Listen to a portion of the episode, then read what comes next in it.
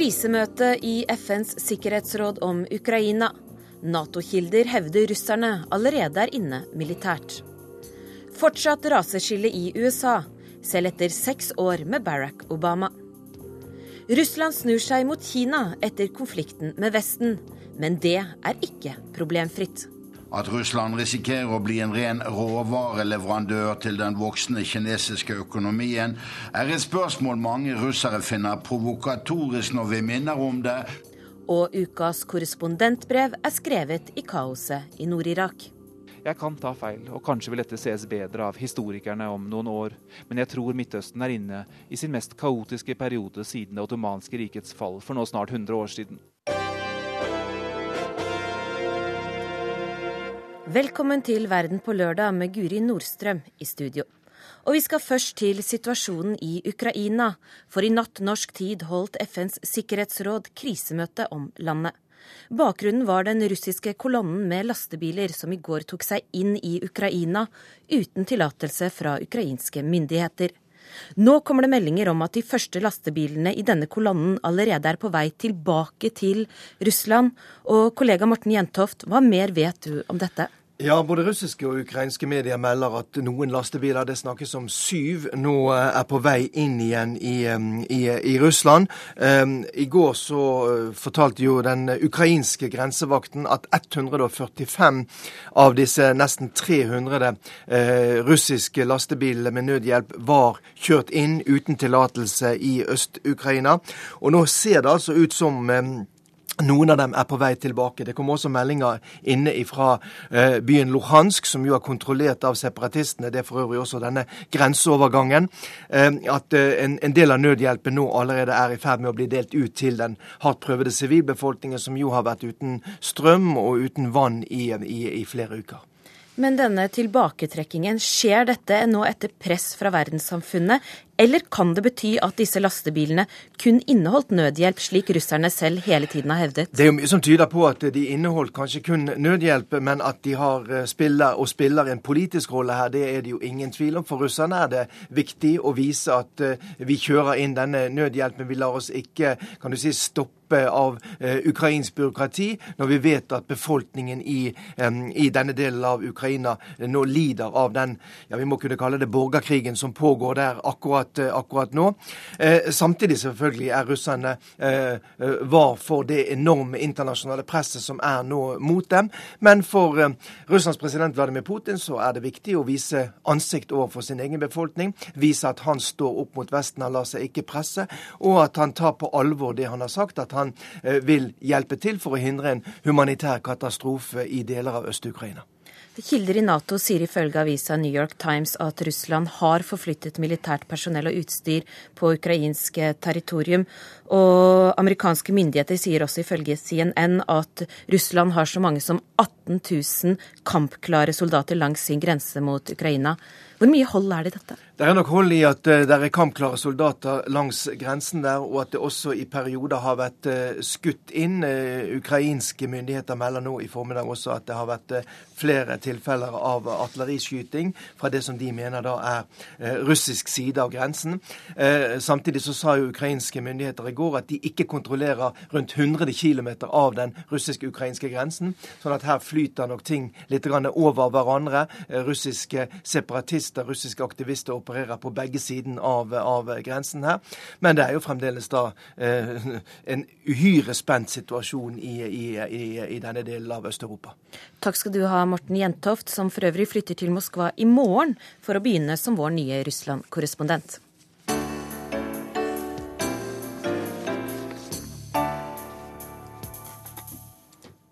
Saken som har fått aller størst oppmerksomhet i USA denne uka, er opptøyene i Missouri. Det som har skjedd, setter nok en gang fokus på det kanskje såreste punktet i det amerikanske samfunnet. Nemlig raseskillet, som fortsatt lever i beste velgående, selv etter seks år med Barack Obama i Det hvite hus. Vår USA-korrespondent Tove Bjørgaas har noen inntrykk hun gjerne vil formidle.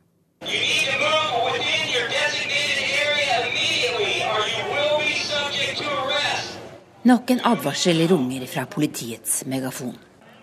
40-50 politifolk peker på litt flere svarte ungdommer med geværene sine. De løfter armene. Henda i været, ikke skyt. Noen av dem er bare barn.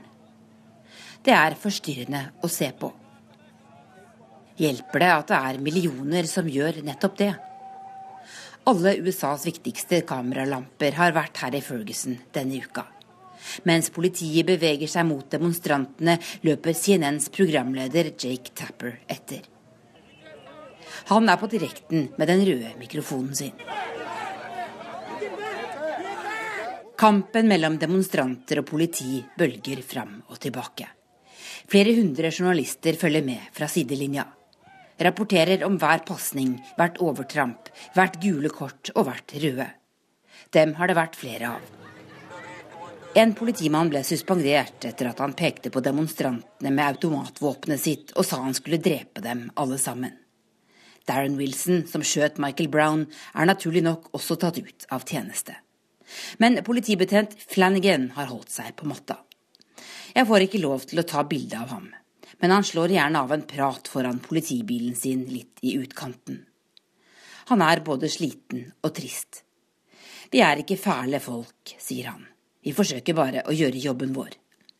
Han er på nok et tolv timers skift. Seks om kvelden til seks om morgenen. Etterpå skal han på den andre jobben han har, som sikkerhetsvakt i et privat firma. En tjener ikke nok som politimann her, forklarer Flanagan. Mange av kollegene har ekstrajobb i tillegg. Jeg spør om Ferguson.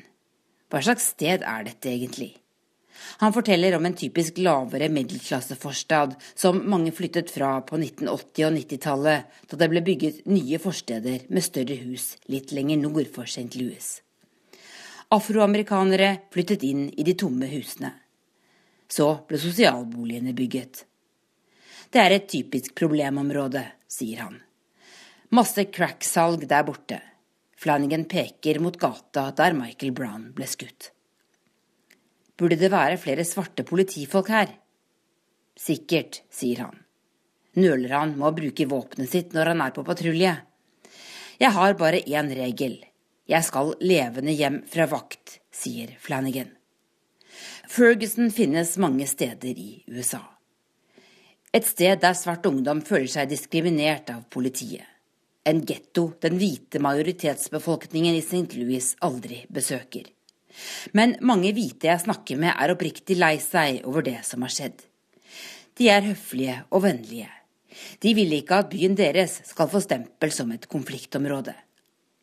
Men de gamle rasemotsetningene, USAs eldste og dypeste, lever i beste velgående. Selv ikke en mørkebrun president med en afroamerikansk svigerfamilie har endret det. Barack Obama har gitt unge svarte menn større selvrespekt. Men den sosioøkonomiske utviklingen som gjør at Ferguson finnes så mange steder her i landet, vil han ikke klare å snu. De svarte er fortsatt nederst på rangstigen. Det er de som bor i sosialboligene, fyller fengslene og topper arbeidsledighetsstatistikken. Og mens ferske immigranter fra Afrika kravler seg mot den amerikanske drømmen, blir afroamerikanerne værende på bunnen. 21 år gamle Brandon drømmer om college og karriere. Men han ble far da han var 19, og er ryddegutt på TGI Fridays. Brandon har i grunnen nok med å holde seg unna trøbbel og politiet. Jeg kunne ha vært Michael Brown, sier han. På mandag skal Michael Brown stedes til hvile. Da slukkes nok kameralampene her. Ungdommene som alle har lyttet til de siste to ukene, skal tilbake til den hverdagen de kjenner litt for godt. Justisminister Eric Holder har lovet at han ikke skal glemme dem. Men USA sliter med å forandre det som gjør Ferguson så typisk amerikansk. I Irak har to sunnimuslimske parlamentarikere nå trukket seg fra forhandlingene om en ny irakisk regjering, etter at sjiamuslimer i går drepte 70 mennesker i en moské. Midtøsten-korrespondent Sigurd Falkenberg Mikkelsen, du er med oss fra Erbil i Nord-Irak. Hvorfor skjedde dette angrepet? Det virker som et uh, hevneangrep Eh, det er litt uklart akkurat hva som har skjedd, men at en eh, lokal sjiamuslimsk militsleder ble angrepet, antagelig av en bombe. Og så gikk da hans milits amok i en sunnimuslimsk moské like etterpå. Og drepte da over 70 folk. Dette skjedde på fredag, det var fredagsbønn, og de brukte maskingevær. Så dette er en fryktelig stygg episode, også sett i lys av alt annet som skjer her i Irak. Ja, hvordan påvirker dette regjeringens forsøk på å gjenvinne kontrollen over landet? Den illustrerer jo uh, hvor vanskelig jobb uh, Haider al-Abadi kommer til å få. Uh, og den går rett inn i argumentene IS har, nemlig at det sjiamuslimske styret i Bagdad undertrykker sunnimuslimene. Dette skjedde i en, i en regjeringskontrollert by. Eh, selv om regjeringen har begrenset kontroll over disse militsene. Eh, og Vi ser jo også de politiske konsekvensene kom umiddelbart. Det er veldig vanskelig for sunnimuslimske politikere eh, å ha et samarbeid når den type ting skjer. Og Vi ser jo da at både vise statsminister Salah al-Mutlaq og stortingspresident Salim al-Jiburi trakk seg fra disse forhandlingene med en gang. Kan dette angrepet mot uh, sunnimuslimene styrke ekstremistgruppa IS sin rekruttering? Denne gruppa er jo også sunnimuslimsk. Ja, det er akkurat det det gjør. Uh, og det går inn i den, i en lang serie med hendelser. og jeg har snakket med mange på sunnimuslimsk side tidligere som føler seg undertrykket av regjeringen, som ikke føler at de har noe eh, de skal ha sagt. Eh, og Det er jo derfor eh, Noria Malikis har fått en del av skylden for at IS har rykket så raskt fram. Nå har han måttet gå av. Men vi ser altså at Haider al-Abadi kommer til å slite med mange av de samme problemene framover, han også. Denne uka så offentliggjorde også IS en video hvor de viser at de skjærer hodet av den amerikanske journalisten James Foley. Sigurd, du har dekket dette området i ganske mange år nå. Hvordan merker du at det har blitt vanskeligere å jobbe som journalist? Det er eh, Altså, Irak og, og Syria har vært svært vanskelig de siste eh, ti årene. Eh, men eh, noen områder har blitt eh, helt eh, umulig å ta seg inn i. Det gjelder da særlig Nord-Syria og også de sunni-arabiske områdene i Irak. Nord områdene i Nord-Syria har de siste, siste halvannet året hvert fall nesten vært, vært, livsfarlig å bevege seg inn i. og da er jo sånn at ingen vestlige journalister kan bevege seg i disse områdene. Alle blir kidnappet.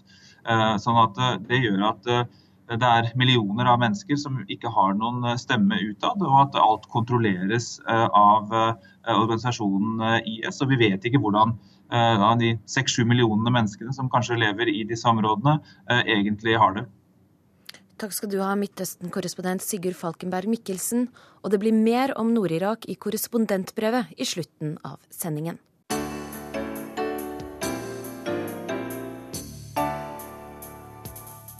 Og at arbeidsforholdene i dette området blir stadig vanskeligere, merker også nødhjelpsorganisasjonene. Før sending snakket jeg med Mark O'Hanian, som er leder for den internasjonale organisasjonen IOCC. Siden 2002 har de drevet nødhjelp både i Syria og i Irak, men nå er denne jobben vanskeligere enn noensinne. Unfortunately, regretfully, we're unable and cannot reach areas that are under ISIS control, and that poses serious security threats on us. Uh, it's simply not safe for us to go there, and I think we've been seeing, just like uh, everybody, I think the beheadings and the and the and the and the gruesome acts that they are uh, that they are committing in places where uh, they are in control, especially with those that do not think or agree with ISIS. Uh, so that poses a grave danger for us, and we are unable to reach to those areas. And that is by choice. It's not that we don't want to, uh, we cannot. Maybe we can, but by choice we do not want to do that or put our ourselves, our staff, or our partner staff in uh, at risk.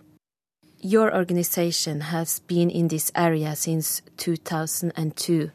How has the development of this extremist group been since then? It's a very uh, it's a cancerous development, if I can call it that way. It's strange to that part of the world. Uh, ISIS or the Islamic State, uh, it's not something that is uh, accepted by the majority of the population there. Uh, or if by anyone. This is not something that is common or accepted by the local society there. if if some are supporting today uh, uh, ISIS, that's completely out of desperation, out of uh, because they have not been their concerns have not been taken care or heard of by their own governments in their own, in their own country. Uh, so that's something we need to really put that in perspective. So you're saying that the majority are not supporting IS, but how have they managed to become so strong? I mean, we can't ignore the fact that there are there, there's an environment that is accepting ISIS, but that is completely out of desperation. And I, in my opinion, that will be short-lived. Uh, we need to keep in mind that when we say uh, uh, ISIS is Sunni extremism and such, however, let's not forget that the majority of the displaced people in Iraq today, in northern Iraq, the majority are Muslim Sunnis as well. While the media is talking about the plight of the Christians being displaced uh, and being terrified and horrified by ISIS and the Yazidi community, and that is correct, that's absolutely correct. But there's a big number of Iraqi Sunnis who are running away from ISIS as well. In your opinion, what kind of responsibility do the Western countries have in this conflict? It has to be joint effort um, we ignored tackling this problem. We gave space to Islamic State to grow, to train, to have access to resources. And in fact, there are regional powers that supported ISIS for their own narrow regional political interest. It's Which a, countries a, are you thinking about? Then? Gulf countries, Turkey, Iran. I mean, all the countries in the region they have a stake in this, and and this is by and large it's a it's a it's a it's a conflict that it may be easy to describe it as Sunni and Shiite conflict, but also let's not forget that there are regional interests, regional powers. I think, eh, be it Western powers, be it uh, Turkey from one side, Gulf countries from the other side, Russia and Iran from the other side. All of these powers they have they have a stake in that in that part of the world. Again, this is not just a bombing campaign. The bombing alone does not will not eliminate uh, ISIS. It's good that it's happening, but it's not enough. There needs to be more conversations on this, not just the act of war. The right thing is to sit and talk. Uh, and I hope it, uh, it happens.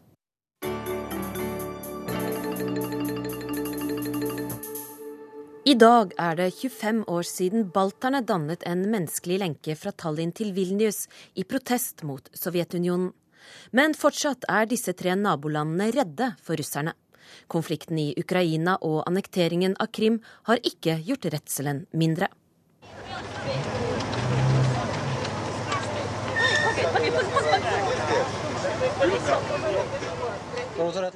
De sto der på den 600 km lange hovedveien. Mellom én og to millioner mennesker. For 25 år siden ble den stille protesten arrangert på veien mellom Litauens hovedstad Vilnius i sør, via Riga i Latvia og helt nord til Estlands hovedstad Tallinn. Den gang var de baltiske landene fortsatt en del av Sovjetunionen men kravet om frihet og uavhengighet hadde stadig vokst seg sterkere.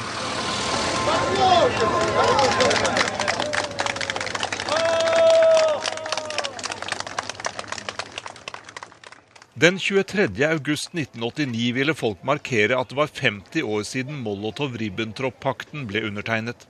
Den var en avtale mellom Sovjetunionen og Nazi-Tyskland som delte Europa i interessesfærer.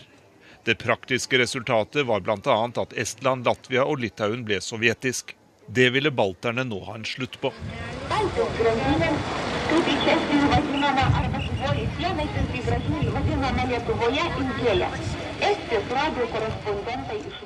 De som deltok i den svært spesielle protestaksjonen, lyttet på radio.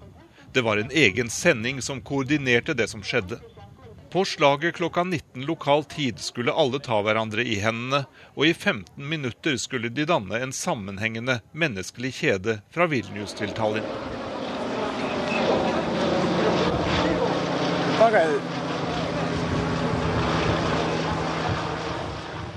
Fly fløy lavt over veien for å få bekreftet at kjeden virkelig strakte seg over 600 km. Det som skjedde, skulle vise seg å bli en svært viktig del av balternes frihetskamp. So that shows you how peaceful protests sometimes can be very effective. This made people uh, realize that change was necessary and, and, and they, wanted, uh, they wanted change, and they got change. Fredelig protest kan være svært effektivt, sier den litauiske journalisten Mykolas Drunga, som fulgte begivenhetene på nært hold for 25 år siden. Han påpeker at balterne gjennom denne protesten virkelig ble klar over at de kunne kreve politiske forandringer. And the Soviet uh, authorities did not send out the troops, did not, uh, did not try to, to, to crush it. And that already showed you that the empire was about to collapse because it did not undertake a show Lederne i Sovjetunionen sendte ikke ut soldatene sine for å knuse protestaksjonen. Det viste folk at sovjetimperiet var i ferd med å rakne, sier journalisten, selv om uttalelsene som kom fra Moskva var ganske krasse. Der het det at den menneskelige protestkjeden var et uttrykk for nasjonalistisk hysteri, og at det som skjedde kunne få katastrofale følger for balterne.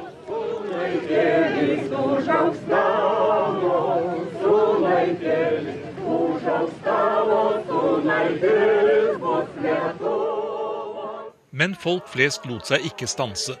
De fredelige protestene fortsatte og ble stadig mer omfattende. Et av våpnene som ofte ble brukt, var patriotiske sanger fra tiden da de tre landene var uavhengige.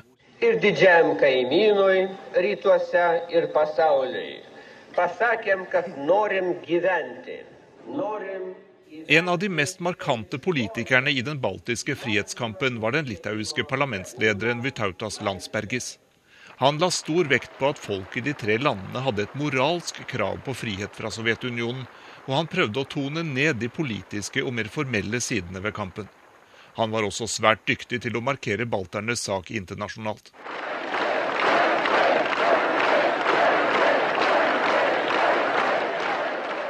Frihet, frihet, ropte folk taktfast på et av de mange protestmøtene høsten 1989. Og i Litauen skulle det ikke gå lang tid før drømmen gikk i oppfyllelse. I mars 1990 ble landet det første til å bryte ut av Sovjetunionen og erklære sin selvstendighet. Latvia og Estland fulgte snart etter. I årene som har gått, har de tre landene klart å utvikle demokratiske samfunn, og de var raskt ute med å bli medlemmer av både EU og Nato.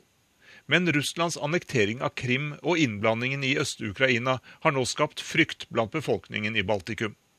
Da Tysklands forbundskansler Angela Merkel denne uka møtte baltiske ledere i Riga, fikk hun høre at russernes handlinger fullstendig har forandret sikkerhetssituasjonen i Europa. Og Merkel kom med klare løfter. Und ich verstehe absolut die Besorgnisse äh, der Bevölkerung in Lettland, aber auch in den anderen baltischen Staaten, auch in Polen. Und dies ist die Stunde, in der ich noch einmal betonen will, dass ähm, das, was wir Det er forståelig at folk i de baltiske landene er bekymret, sa den tyske forbundskansleren. Hun understreket at Nato er klar til å forsvare de tre landene dersom de blir utsatt for militær aggresjon fra Russland. Det skal gjennomføres stadig flere militære øvelser i Baltikum, og Nato skal være klar til å reagere på kort varsel dersom noe skulle skje. Det har gått 25 år siden den historisk viktige protestaksjonen mot Sovjetunionen, men balterne minnes stadig om at de bor vegg i vegg med den russiske bjørnen. Det sa kollega Jan Espen Kruse. Og konflikten mellom Vesten og Russland har fått Vladimir Putin til å erklære at Russland nå skal orientere seg mot Kina istedenfor. Og at det er et tett forhold mellom de to stormaktene, merkes ikke minst i Sibir, dit stadig flere kinesere nå legger ferien sin. Люди, мимо не ходите, к нам за обувью спешите. Наша обувь высший сорт. Vi står i shoppinggaten Uritski her i den russiske byen Irkutsk med 600 000 innbyggere i Øst-Sibir. Her i byen lokkes turistene inn i butikkene med megafoner. Baikalsjøen ligger bare 66 km øst for Irkutsk. Byen ligger ved elven Angara, som renner ut fra Baikalsjøen og inn i Jenisei, videre mot Ishavet. Baikalsjøen alene rommer 20% av alt ferskvann på jorden. Rundt oss ser vi svært mange kinesiske turister blandet med burjatene her i byen. De er urbefolkningen her i Øst-Sibir og er av mongolsk herkomst. Innkasterdamen med megafonen forteller dette når vi spør hvilke turister hun ser hyppigst her i Irkutsk ved Baikalsjøen. No, разные американцы из Китая приезжают, большинство китайцев практически все туристы едут на Байкал, посмотреть Байкал, чистую воду покупать. Hit til oss kommer en rekke amerikanere, folk kommer reisende fra Kina, ja, flertallet er kinesere. Praktisk talt alle turistene drar østover til Baikalsjøen for å se den og kjøpe med seg drikkevann derfra, forteller vår megafondame Xenia her på handlegaten i Irkutsk.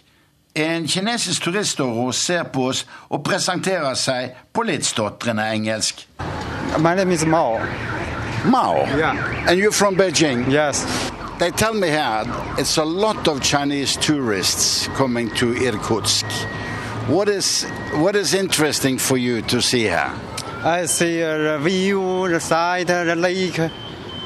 The Lake Baikal. Yeah, the Lake Baikal. Yeah. They have a lot of fresh water in Russia. Yes, uh, it is. Uh, it is the largest uh, lake uh, in in here. You could need some of that water. Ja, Baikal er Maos reisemål fordi dette er verdens største innsjø, forteller Mao fra Peking oss ivrig. Da berører han kjernen i det russiske dilemmaet her i øst. Grunnvannsnivået synker i Kina, mens 70% av verdens ferskvann fins i de fire sibirske elvene og her i Baikalsjøen. I 15 år har internasjonale politiske fagtidsskrifter trykket artikler om muligheten for at en fremtidig storkrig kommer til å handle om tilgangen på ferskvann her i verden. Slike tanker har plaget de siste russiske presidentene, fortalte Boris Jeltsin meg i sin tid, men det plager ikke Vladimir Putin. At Russland risikerer å bli en ren råvareleverandør til den voksende kinesiske økonomien, er et spørsmål mange russere finner provokatorisk når vi minner om det, fordi det er en beskrivelse av den typiske relasjonen mellom et imperium og u-land. De stiller et vanskelig og ganske provokatorisk spørsmål, sier realfaglektor Ljudmila Kochina på tur fra Moskva rundt Baikalsjøen på den gamle jernbanen som tsar Aleksander 3. bygget her for 110 år siden for å utvikle Baikal-regionen forgjeves. Jernbanelinjen går fra Irkutsk og sør for Baikalsjøen til Burjatenes hovedstad Ulan-Ude nord for Mongolia og Kinagrensen. Når vi spør den aldrende Moskva-lektor Ljudmila Kochina, som har bodd tiår i Kina selv, om hun tror kineserne igjen kan bli russernes bestekamerater, svarer hun mer tvilende. Det ville jo være å håpe på, sier lektoren. For i 1971 var Kina og Sovjetunionen på randen av atomkrig. Her på svillene med panoramautsikt mot Baikalsjøen forteller så den unge lederen for internasjonal seksjon, Li Boli, ved et av Peking-universitetene, hva som fascinerer henne ved Baikalsjøen nord for Godbjørkenen i Kina, for å si det litt symbolsk.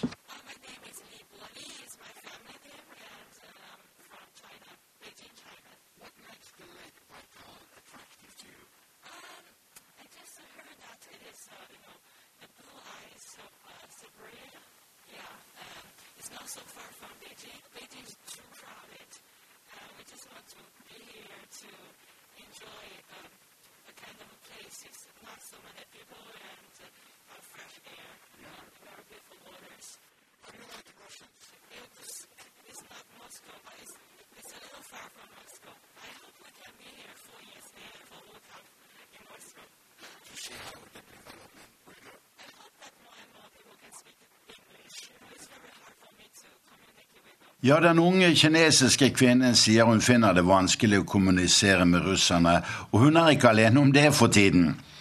Dessuten er det bare 3-4 av russerne som besøker utlandet, så russerne snakker svært lite annet enn russisk. Kina er kanskje allerede et mer moderne land i så måte enn Russland. Hans-Wilhelm Steinfeld, Baikalsjøen i Øst-Sibir.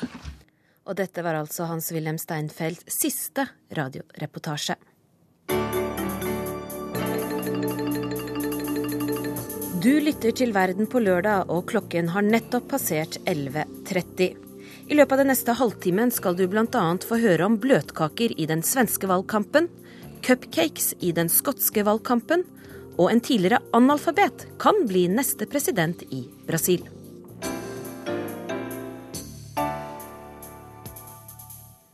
Om tre uker er det valg i Sverige, og ifølge meningsmålingene ligger det an til et regjeringsskifte. Men valgkampen har så langt ikke bare vært preget av politikk. Den har også handlet om bløtkakekasting. Forvåning, kan man vel si. Det var litt uventet. Jeg ble forbauset, sier sosialminister Gøran Heggelund.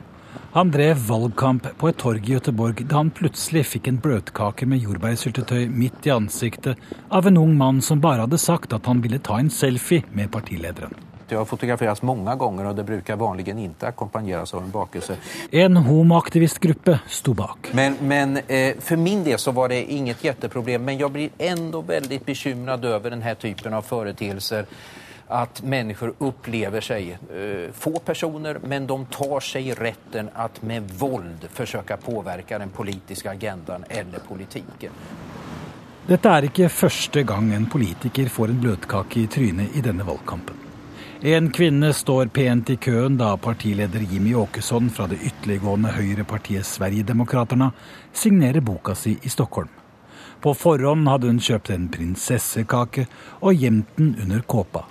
Når det ble hennes tur, får han kaka rett i ansiktet. Jeg ser eh, fascismens framvekst, og eh, jeg fikk lære meg allerede som barn at det får ikke hende en gang til.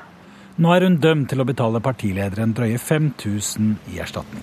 Men det, man viser sitt forakt gjennom å gjøre det. Plutselig bryter seg en 16-årig pojke ut Det er 2001 som er selve bløtkakekasteråret i Sverige. På høsten kaster en 16-åring en kake i ansiktet på kong Carl Gustav da han og dronning Silvia besøker et museum utenfor Varberg. Tidligere det året hadde to politikere fått hver sin kake i ansiktet under en debatt i Lund, mens finansminister Bosse Ringholm fikk hele to bløtkaker etter seg da han ruslet en tur med pressen etter å ha lagt fram budsjettet. Men den gang tok man det ikke så alvorlig som nå. Hei, eh, det blir eh, noen har blitt knivhuggen oppe på NK Knivdrapet på daværende utenriksminister Anna Lind i 2003 forandret det svenske ordskiftet fullstendig, sier statsviter Jenny Madestam ved Universitetet i Stockholm. Anledningen til at man tok lett på det da, eh, på Ringholms tid, det handler jo om at vi da ikke hadde hatt opplevelsen av at en politiker har blitt eh, knivhuggen til døds på åpen gate. I en valgkamp som er preget av at Sverige vil ta imot flere enn 80 000 flyktninger i år, sørger også politikerne for å servere verbale bløtkaker i ansiktet på hverandre. Som her Jonas Sjøstedt i Venstrepartiet. Jimmy Åkesson var her her om dagen, og han la veldig mye tid på å forneke at Sverigedemokraterna er et rasistisk parti. Men Jimmy Åkesson vet, og jeg vet, Sverigedemokraterna er rasister. Det må finnes de som idiotforklarer oss som sier så. Vi som sier at massinvandringen er noe som påvirker samfunnets alle deler. Men ærlig talt, hvem er det som blir svaret skyldig? Hvem blir svaret skyldig? Moderatoren er statsminister Fredrik Reinfeldt. Nå vedger til svenske folket om tålamod, om å åpne deres hjerter for å se mennesker i sterk stress med hot mot det egna livet som flyr, flyr mot Europa, flyr mot frihet, flyr mot bättre förhållanden. Visa den öppenheten, visa toleransen og visa også at ni minns at vi har gjort det förut. Vi har sett mennesker komme fra stress, fri fra förtryck, som sen kommit inn i vårt samhälle, lært seg det svenske språket, fått jobb og nå hjelper til å bygge et bedre og friere Sverige. Moderaternas borgerlige blokk må nok gi fra seg makten til en rød-grønn allianse av Sosialdemokraterne, Venstrepartiet og Miljøpartiet, som ligger an til å kapre halvparten av stemmene ved valget 14.9. Reinfeldt har ingen fete løfter å komme med. Derfor sier jeg vi lover altså ikke nær noen ting i denne valgkampen. For det kommer ikke finnes utrymme for det. Og jeg häpnar litt kan jeg säga over de löften jag noterer andre framställer. Bløtkakekasternes siste offer, partileder Gøran Heggelund fra Kristdemokraterna, frykter at politikerne blir mer forsiktige med å flagge sine meninger hvis bløtkakekastingen fortsetter. Vi har sett politiker Olof Palme, Anna Lind, som har dødd. Vi har sett personer som har skadet til følge av, av eh, politisk vold. Eh, og eh, Og det her gjør jo at det finnes en risk at partier eh, blir forsiktige. Det skal jeg ikke bli. Det har bestemt meg for at jeg, jag går videre precis som det har vært. Kollega Øyvind Nyborg hadde laget dette innslaget. Og kaker spiller også en rolle når skottene skal stemme over om de skal løsrive seg fra resten av Storbritannia 18.9. For i valgkampen lanseres stadig nye kreative ideer, forteller kollega Anette Groth. Det er kaffe, te og kaker det går i i Cuckoos bakeri i Edinburgh. Her møtes skottene til en liten timeout, men i disse folkeavstemningstider er det kommet nye tilbud.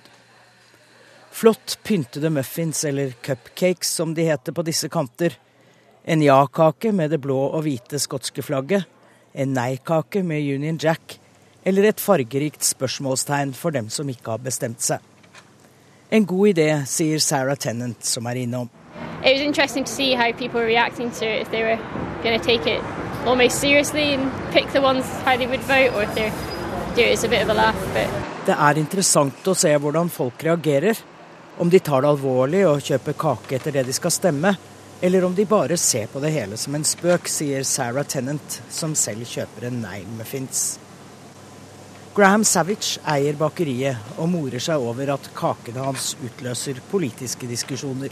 It's been great. I mean, customers are really engaged. They're coming in, they're chatting to us about their opinion, about the cakes. They're also talking to each other. So, table to table, people are kind of looking over to see what other people are eating. And yes, it's, it's kind of been, it's been really good.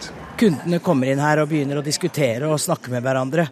De kommer med sine synspunkter, og så ser de på hva slags muffins folk spiser. Så dette er morsomt, sier bakerieier Graham Savage. Det er altså en snau måned igjen til valget skal gjøres. Primus motor for folkeavstemningen er det skotske nasjonalistpartiet og lederen Alex Salmon. Han har noen hjertesaker som han mener blir bedre ivaretatt i et selvstendig Skottland. To secure our national health service. Secondly, to, to stop the assault on, on the poor in Scotland, the people with disabilities, children with families, which is happening through the, the social security changes. And thirdly, and I think the, the most important aspect of all, is a declaration to create an opportunity for Scotland's young people. Helsevesen, omsorg for de svakeste og muligheter for de unge. Dette er hovedsaker for lederen i det skotske nasjonalistpartiet Alex Salmon. Men en folkeavstemning om selvstendighet i Skottland er en ligning med mange ukjente. For hva skal skje med pundet, kan skottene beholde det? Hva med medlemskap i EU og Nato? Og dronningen, skal hun fremdeles herske over Skottland? Nei-siden mener det er langt tryggere i unionen. The Union of England, Wales, Northern Ireland, and Scotland has lasted for 307 years. And we get the safety, security, and stability of being part of the UK. Unionen har bestått i over 300 år, og gjennom den får vi stabilitet og trygghet, sier David Whitten fra Nei-kampanjen. I Cuckoos bakeri i Edinburgh har Leslie Hansen nettopp gjort sin bestilling. Um, during a business, business meeting, talking about the referendum, and came to get some cupcakes to follow the bacon rolls that we're going to have.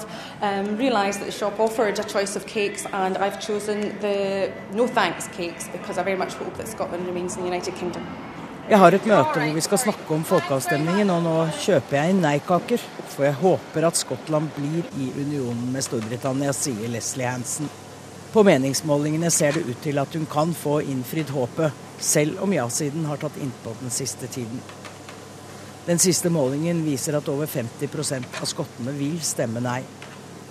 På bakeriet har de sin egen måling, basert på hvem som kjøper hvilke kaker. Uh, you can see from the polling results here um, beside me, uh, the, the yes campaign has actually kind of increased just recently, but we have seen the no campaign mainly in the lead. Og bakeriets uhøytidelige meningsmåling viser samme tendens som de andre målingene. Bakerieier Graham konstaterer at ja-siden har hatt litt fremgang, men at nei-siden har ledet hele tiden. Likevel, mange har fremdeles ikke bestemt seg. Den 18. september får vi vite om Skottland tar det historiske skrittet ut av unionen.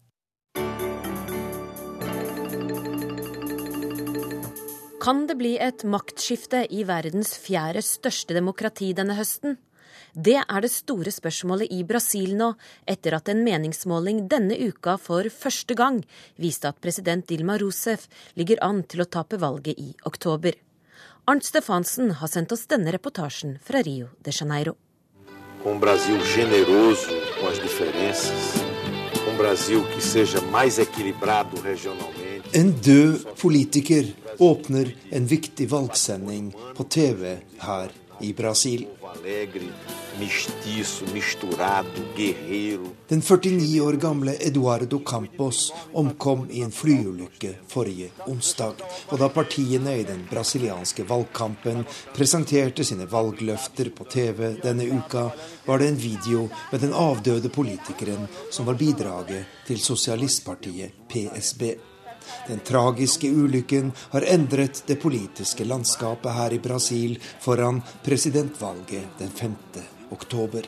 Og i sentrum for oppmerksomheten står den avdødes partifelle, miljøpolitikeren Marina Silva. Durante esses dez meses de convivência, aprendi a respeitá-lo. I løpet av de ti månedene vi har jobbet sammen, har jeg lært å respektere ham, beundre ham, og jeg har gjort hans idealer til mine, sier en sjokkert Marina Silva like etter at hun har fått dødsbudskapet. Nå er det hun som skal fronte partiet og dets allierte i valgkampen, og den første meningsmålingen etter ulykken har sendt sjokkbølger gjennom det politiske Brasil. Målingen viser nemlig at Marina Silva ligger an til å overta som president etter valget. Marina morena como a pele do Brasil. Mørke Marina med brasiliansk hudfarge lyder teksten i denne valgkampsangen fra 2010, da Marina Silva og hennes miljøparti fikk hele 20 millioner stemmer. Og en meningsmåling fra instituttet Datafolia viser nå at hun kan nå enda lengre denne gangen. Det går mot en annen valgomgang ved høstens valg, og den vinner Marina Silva med 47% mot 43% for den sittende presidenten Dilma Rousef, viser målingen.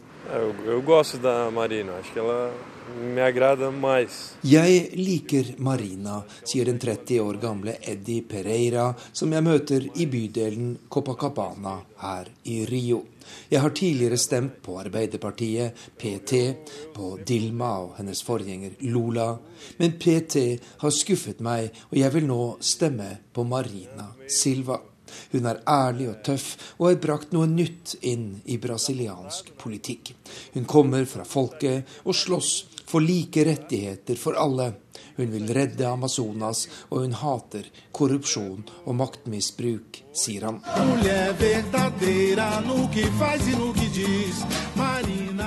Marina Silvas liv er som hentet fra en roman. Hun ble født i den dypeste fattigdom og var analfabet til langt opp i tenårene. Men talent og hardt arbeid brakte henne til topps i det brasilianske samfunnet. Hun ble senator, miljøvernminister og var altså presidentkandidat i 2010. Nå seiler hun opp som den fremste utfordreren til sin tidligere partifelle, president Dilma Rousef.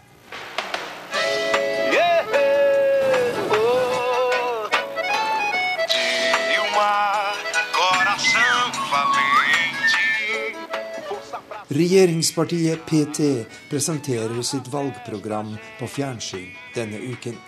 Alle TV-kanaler her i Brasil må sette av sendetid der partiene får vise sine egne valgvideoer. Sendetiden fordeles etter oppslutning, og PT tar mye av plassen i den 50 minutter lange valgsendingen. Ekspertene mener valgkampen på TV blir avgjørende for valgutfallet, og at regjeringspartiet blir svært vanskelig å beseire.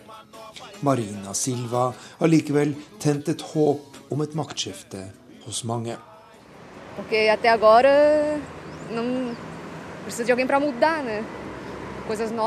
Vi trenger en endring, noe nytt her i Brasil, sier den 28 år gamle Patricia Setubal. Vi har en politisk kultur her i landet der folk går inn i politikken for å tjene penger og gjøre karriere, ikke fordi de har idealer og vil gjøre noe for landet og menneskene. Marina er en annerledes politiker, og jeg håper på henne. Men jeg har ikke veldig stor tro på at hun greier det. Det vi opplever nå, er vel en stemningsbølge etter en fryktelig ulykke sier hun.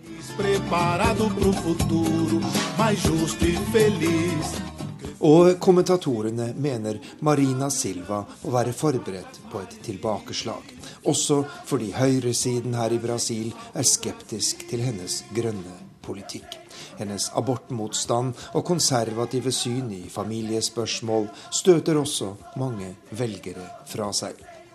På den annen side er det nå et sterkt ønske om et maktskifte hos mange her i Brasil etter tolv år med Arbeiderpartiet PT i regjering. Og uansett har spenningen foran høstens valg økt kraftig de siste dagene.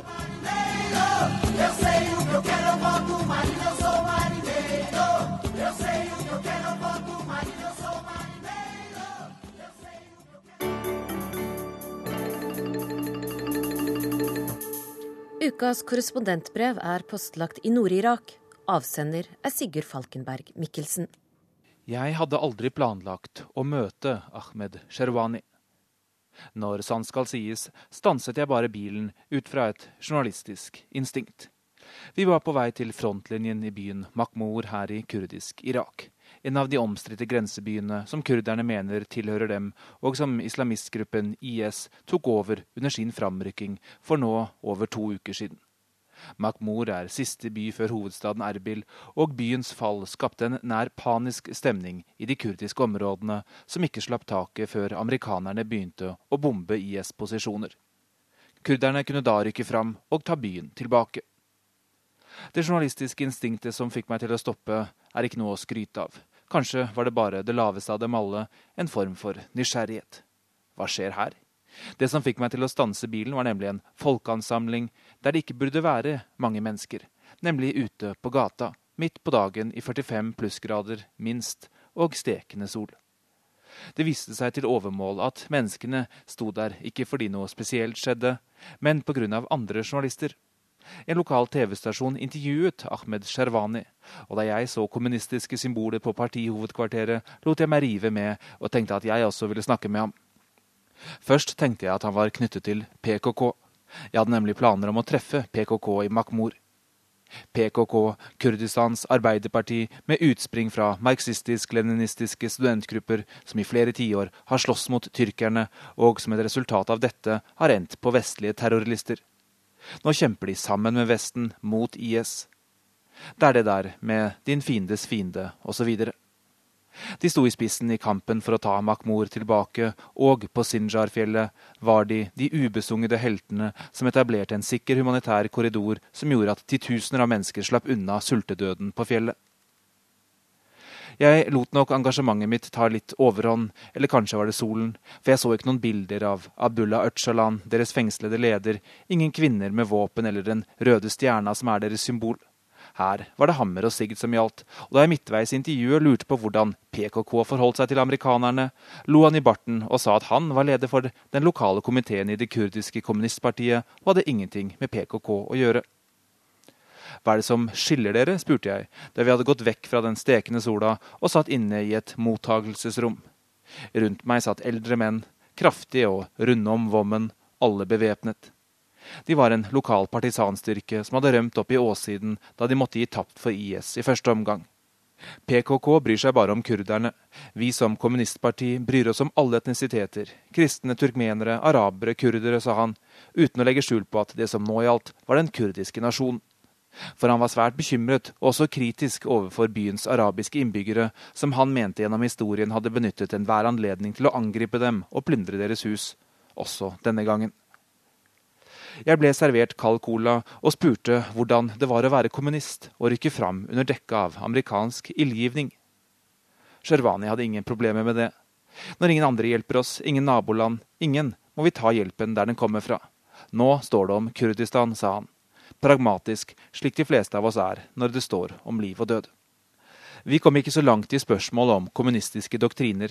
Det var liksom ikke helt tiden for det med alt som foregikk rundt oss, og jeg var utålmodig etter å komme meg til denne frontlinjen. Men han smilte likevel lurt da jeg skulle gå og spurte hvem jeg var. Hva trodde jeg på? Kommunisme, liberalisme, sosialisme, kapitalisme? Jeg kunne kanskje forklart at min generasjon trodde ikke på store tankesystemer og knapt religion heller, at vi egentlig var noen ryggradsløse velferdssurfere som hadde sluppet å ta stilling til de store spørsmålene, og svarte feigt noe sånt som at jeg ikke trodde at de frie markedskreftene skulle regjere alene, men at staten også hadde en viktig rolle. Så mumlet jeg litt mer i skjegget om at i Norge var nok alle sosialdemokrater, og sendte en liten tanke og takk til min gamle sjef Einar Førde. Selv om det vel var Jon Lyng som sa det først, så klinger det bedre på vestlandsk, og jeg tror Førde ville satt pris på pragmatismen, de politiske dilemmaene og overlevelsesviljen i disse menneskene, og at han sikkert ville fått langt mer ut av dette enn meg. Det var ikke så mye å se på frontlinjen akkurat den dagen. Det dundret litt fra noen granater som traff et sted langt borte, og jeg ble stående ved en jordvoll og snakke med en kurdisk løytnant som forklarte meg at dette var siste skanse og at IS sto et par kilometer unna, men at de altså ikke kunne nå dem med mer enn disse granatene som de pleide å skyte om morgenen, men som altså noen også skjøt på formiddagen, om enn ikke på denne kontrollposten. Mens jeg sto der og snakket med løytnanten, kom et pansret kjøretøy inn fra fronten. Et slikt som de stjal fra hæren til Saddam Hussein, og som er mye dårligere enn de deres motstandere stjal fra den irakiske hæren, som igjen hadde fått dem av amerikanerne. Våpen har en tendens til å bli brukt lenge når de først har kommet hit til Midtøsten. For selv om det virker åpenbart og nødvendig å sende våpen til kurderne nå, foregår det også et annet spill her, som strekker seg både lenger inn i framtiden og lenger tilbake i fortiden, nemlig kurdernes ønske om en selvstendig stat og konflikt med Bagdad. Både om spørsmål om selvstendighet, men også om hva som er kurdisk område og ikke. Makhmur f.eks. ligger, som jeg nevnte i begynnelsen, offisielt i de arabiske provinsene, på samme måte som den større byen Kirkuk. Begge kreves av kurderne, ikke uten grunn, begge byene kontrolleres av kurderne, og de kommer ikke til å gi opp disse uten kamp. Ikke nå, og ikke i framtiden. Den amerikanske forfatteren Joyce Carol Oates skrev på Twitter dette i forbindelse med fordrivelsen av jesidiene, at det menneskelige instinkt er å ville beskytte offer, men å ikke ville vite hva de er i stand til å gjøre når de sitter ved makten. Nå er jesidiene, og også kurderne, om enn i en annen form, folk som har levd med undertrykkelse i århundrer fra alle de mektige statene rundt dem, det være seg tyrkere, arabere eller iranere. Men kravet om hevn er like sterkt, og en jesidi-flyktning jeg snakket med på grensen. Han hadde akkurat kommet ned fra Sinjar-fjellet, fortalte at han aldri kunne leve sammen med sine arabiske naboer igjen hvis han ikke fikk sin hevn, nemlig at de gikk inn i deres hus og drepte de som bodde der. Dette ønsket om hevn kan ikke settes på like fot med den opprinnelige aggresjonen fra IS' side. Det er ikke noe tvil om hvor det moralske ansvaret ligger. Men det sier noe om hva som kan komme til å skje i disse områdene hvis, eller mer sannsynlig når, IS drives tilbake. Mens jeg sto der ved jordvollen, denne befestningen som kanskje en gang blir en ordentlig grense, tenkte jeg også på hvor lite vi vet om det som foregår på den andre siden. Hva er arabernes svar til disse beskyldningene om at de deltok på IS side? Jeg har hørt det fra alle, fra jesidier på flukt, fra kurderne her, fra partitopper som vanlige folk. Svaret er likevel at vi ikke vet. Vi vet ikke hva deres versjon er, og vi vet ikke hva som egentlig har foregått. Hva synes de om å leve under organisasjonen IS? Er det en frigjøring fra det sjiamuslimske styret eller et religiøst åk? Hvordan er den humanitære situasjonen på den andre siden? Vi vet ganske lite, annet enn at det også der er mennesker på flukt. Vi vet ikke fordi det er umulig å reise dit som journalister. Det har vi som jobber her nede vært klar over lenge, men det ble tydelig for en hel verden denne uka da de henrettet den amerikanske journalisten James Foley. Det er ikke første gang jeg våkner på et hotellrom her i Irak til nyheten om at vestlige menn er halshugget. Det skjedde også i Bagdad i 2004, men den gangen hadde ikke bødlene tilgang til høydefinisjonskameraer og YouTube og Facebook og Twitter. Vold mot journalister blekner sammenlignet med hva andre blir utsatt for. Massehenrettelser og fortellinger om halshugginger er daglig kost når man intervjuer folk som har flyktet fra områder IS kontrollerer. Vi, som den rammedes kolleger i dette tilfellet, lar oss naturlig nok prege, og vi har spalteplass til å skrive om det. Men det som gjør dette interessant for mer enn fagbladene våre, er at det gjør noe med måten vi ser på verden. Det er en del av dem som stenges av. Vi får ikke mer informasjon ut, og krigen får rase videre uten vitner. Det har skjedd i Nord-Syria det siste året, og det skjer i Mosul og alle andre områder IS kontrollerer. De blir premissleverandørene for hva som filtreres ut, mens innbyggerne blir overlatt til seg selv, og altså områdets nye autoriteter. Et autoritært prinsipp og et autoritært grep vi kjenner fra før, fra andre steder. Men siden IS ikke har full kontroll over grensepasseringene, stenger de oss ute, med frykten som våpen. Nyansene forsvinner, alt det som gjør oss menneskelig, alt det som bryter opp stereotopiene, oss mot dem, dem mot oss, alt det levende, alt det som er liv, druknes i støyen fra volden, det være seg vold begått med våpen i hånd, eller med ord og bilder. Vi tvinges inn i det sporet de vil ha oss, et spor ingen journalister med yrkesstolthet ønsker å være.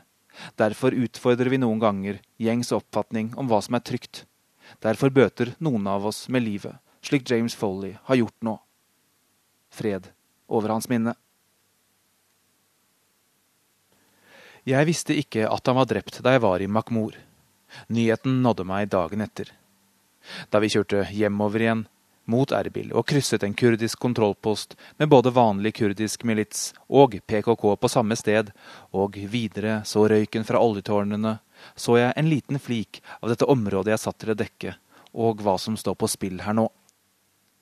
Jeg kan ta feil, og kanskje vil dette sees bedre av historikerne om noen år, men jeg tror Midtøsten er inne i sin mest kaotiske periode siden det ottomanske rikets fall for nå snart 100 år siden. Perioden hvor vår tids arabiske stater ble skapt, og som var starten på konflikten mellom israelere og palestinere med den britiske Balfour-erklæringen. I hvert fall virker det slik når man, som meg, reiser fra den ene krisen til den andre, fra den ene krigen til den andre. Det føles som om alt kan skje, at ingenting er sikkert lenger. Jeg runder denne helgen av mitt opphold her i de kurdiske områdene, og hvis flyselskapet Iraqi Airways er på min side, neste stopp Bagdad. Verden på lørdag er slutt. Teknisk ansvarlig Rune Skogstø Bryne. Skript Oda Holm Gulbrandsen. Her i studio Guri Nordstrøm. God lørdag.